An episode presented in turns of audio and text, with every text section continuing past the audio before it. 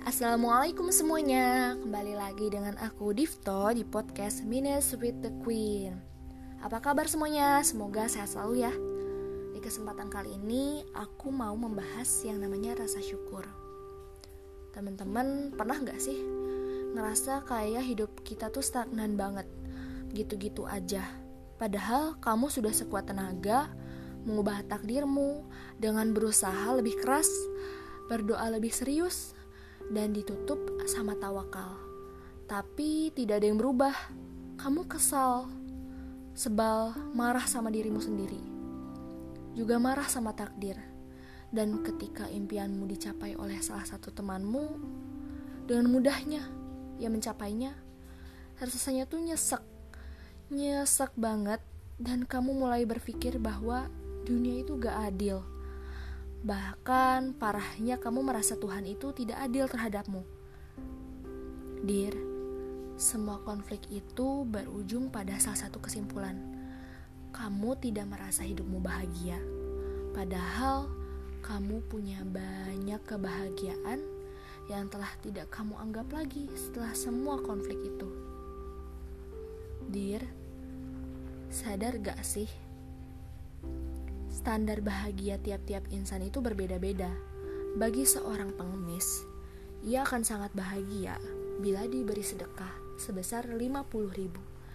Dan kita yang biasanya menghabiskan 2 juta atau lebih setiap bulannya selalu merasa kurang. Baginya kehidupanmu itu menyenangkan. Akan tetapi, kita terus-menerus mengeluhkan apa kurangnya kehidupan kita mulailah kita bersyukur. Kehidupan yang kita rutuki selama ini jangan-jangan adalah kehidupan yang beberapa orang lainnya impikan. Pertama, jangan menyalahkan takdir. Kita harus percaya jalan jalan cerita yang telah Allah berikan kepada kita adalah yang terbaik. Walau kini kamu melihatnya sebagai jalan buruk, berduri tiada aspal, penuh tanjakan dan turunan, kamu ditakdirkan menghadapinya. Kenapa?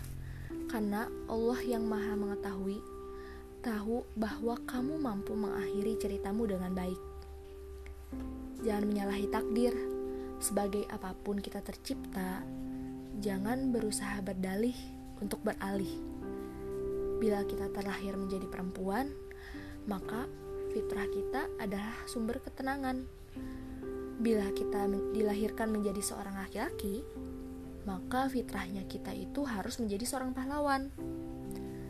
Teruslah bersyukur untuk semua kehancuran kita, masa kelam kita, lini masa kita. Apa sih yang mesti disombongkan? Apa sih alasan kamu iri dengan orang lain? Toh, semua yang ada di langit dan di bumi, semesta dan seisinya adalah milik Allah. Jadi, yuk kita bangkit bersujud, bersyukur untuk mata kita, mulut kita, otak kita, kaki kita, atau pendengaran kita.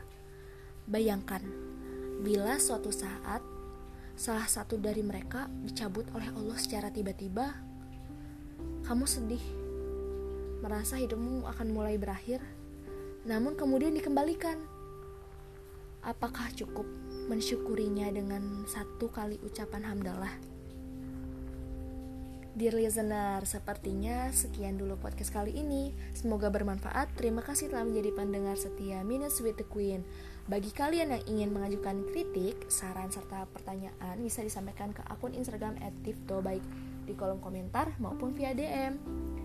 Merci, arigato gozaimasu, syukron, wassalamualaikum warahmatullahi wabarakatuh.